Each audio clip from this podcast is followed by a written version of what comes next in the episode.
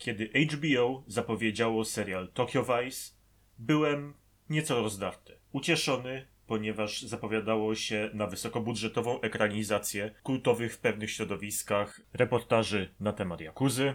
Sceptyczny, ponieważ wiadomo, Amerykanie biorą się za serial o Japonii, może wyjść różnie.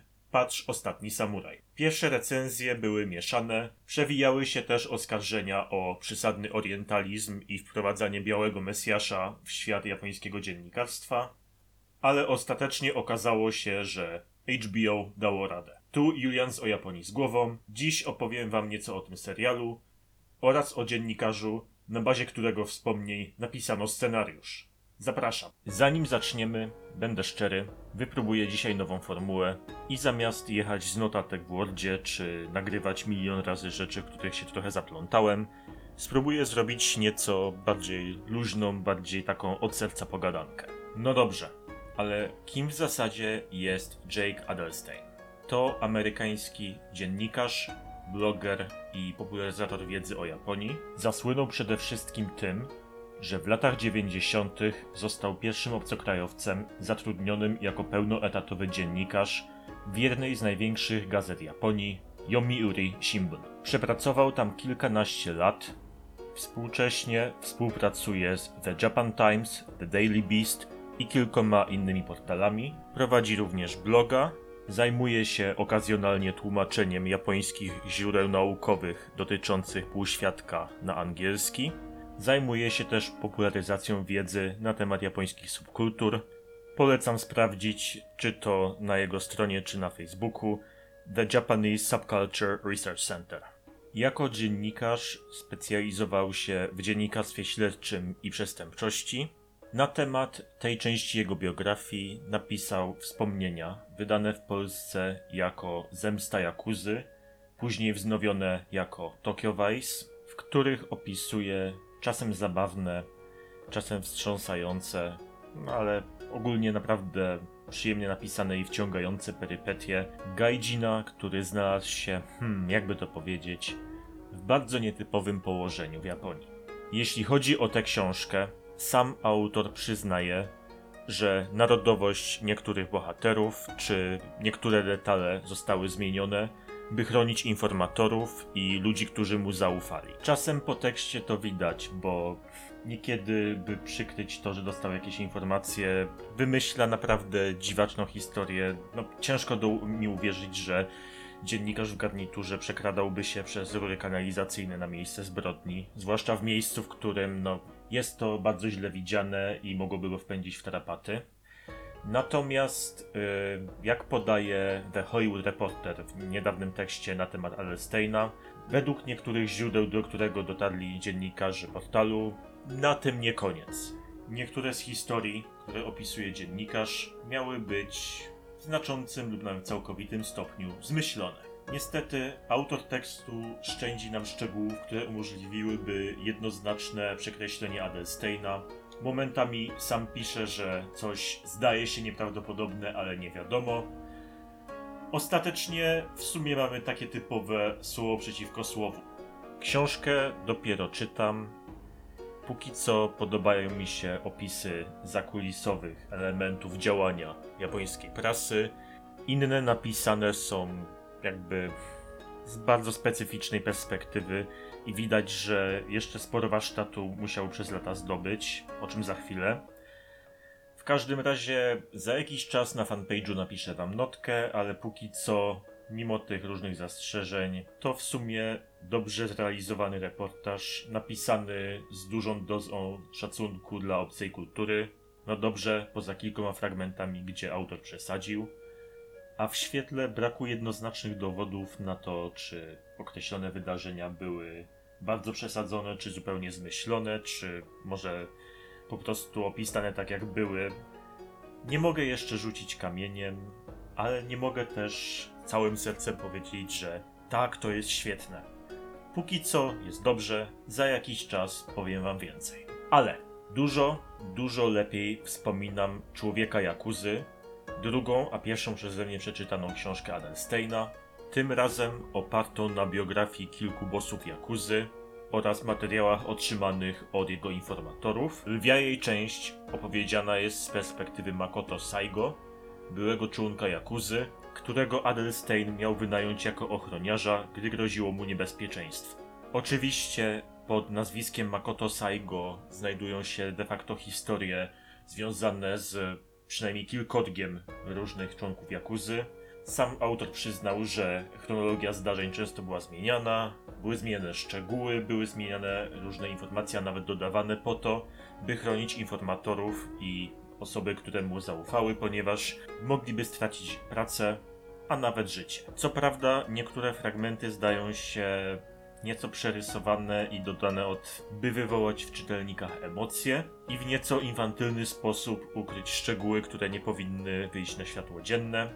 Moim nieulubionym fragmentem jest trudna do uwierzenia opowieść o szantażowaniu pracowników banku za pomocą kotów. Ale nawet bez tego, sposób w jaki autor podsumowuje różne ścieżki, które prowadzą do Jakuzy, różne jej ceremoniały, zależności, strukturę, na jakiej oparte są te organizacje, jakie mają relacje z pomniejszymi gangami, z organizacjami prawicowymi, z partiami politycznymi. Tutaj bez spoilerów, ale jest również ciekawy rozdział dotyczący rodziny, z której pochodził niedawno zamordowany były premier Shinzo Abe. I mimo, że widzimy, że niektóre fragmenty zostały dopisane, żeby coś przykryć i nieco odstają od całej reszty, w jakiś dziwny sposób to ujęcie tego środowiska i te szczegóły działają. Warsztatowo jest dużo lepiej niż przy fragmentach Tokyo Vice, które są już za mną. Całość robi wrażenie dojrzalszej, nieco bardziej kompetentnej roboty.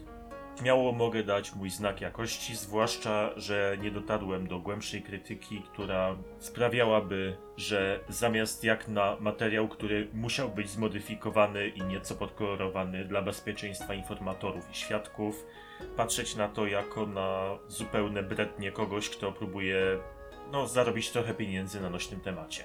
A jak się ma do tego serial HBO? Hmm, jakby to powiedzieć? Jest oparty na wspomniane na początku Tokyo Vice czy też Zemście Jakuzy. Te wydarzenia, które same z siebie wiadomo już, że są nieco przerysowane, traktuję jako bardzo luźną inspirację. Momentami aż zanadto. Mamy na przykład kompletnie przerysowanego, niecierpiącego gaijinów szefa. Mamy odgrywaną przez znaną wam z kultowego, no chyba już można powiedzieć, że kultowego filmu Pacific Rim Rinko Kikuchi, szefową, która nieco ustawia Adelsteina na swoim miejscu. Zdaje się być osła i surowa, by potem nieco się do niego ocieplić i pokazać trochę inną, nawet odrobinę tragiczną stronę. Mamy też nieco dziwne fragmenty, jak no nie, nieszczęsna scena imprezy z informatorem i zażywania narkotyków, która jest wyrwana dosłownie z jakichś starych amerykańskich komedii. Ale całość się broni. Mamy wątek Adelsteina, który stara się w ten skostniały i nieco oparty na schematach świat japońskiego dziennikarstwa wnieść trochę świeżości, stara się drążyć tematy, które inni by porzucili. Mamy wątek Samanty, czyli ambitnej dziewczyny, która stara się otworzyć własny biznes, własny host klub w Japonii. Mamy wątki Jakuzy, która, alleluja, nie jest aż tak przerysowana, jak na początku mi się wydawało. Nie, nie są to ci Robin Hoodzi ze starych filmów z lat 60., mimo przerysowanych sekwencji, przypominających nawet momentami gry Segi, są pokazani jako, no po prostu jako mafia.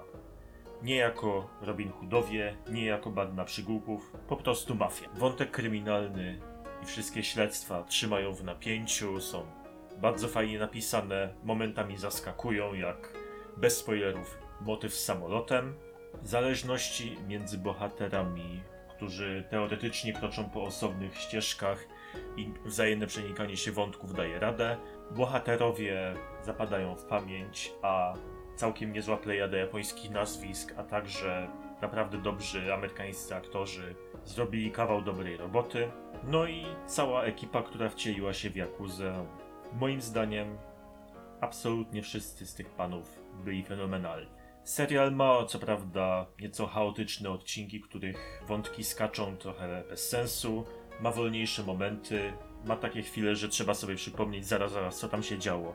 Przecież od tym od dawna nie było. Ale mimo wszystko, mimo tych wad warsztatowych, działa ten lepki wręcz świat nocnego Tokio. To naprawdę świetne zdjęcia wciągają. I nie zgadzam się zupełnie z tymi, którzy zarzucają tutaj orientalizm czy robienie z Adesteina wielkiego mesjasza, bo wielokrotnie pokazane jest, że on jakby ten świat uzupełnia. On się w nim odnajduje, ale on nie jest zbawcą. On czasem wpędza się w kłopoty, czasem wpędza innych w kłopoty, czasem to jego nieokrzesanie, ten brak pełnego zrozumienia okazuje się zupełnie nie pasować do rzeczywistości. No, po prostu się nie zgadzam. Moim zdaniem nic takiego tutaj nie ma.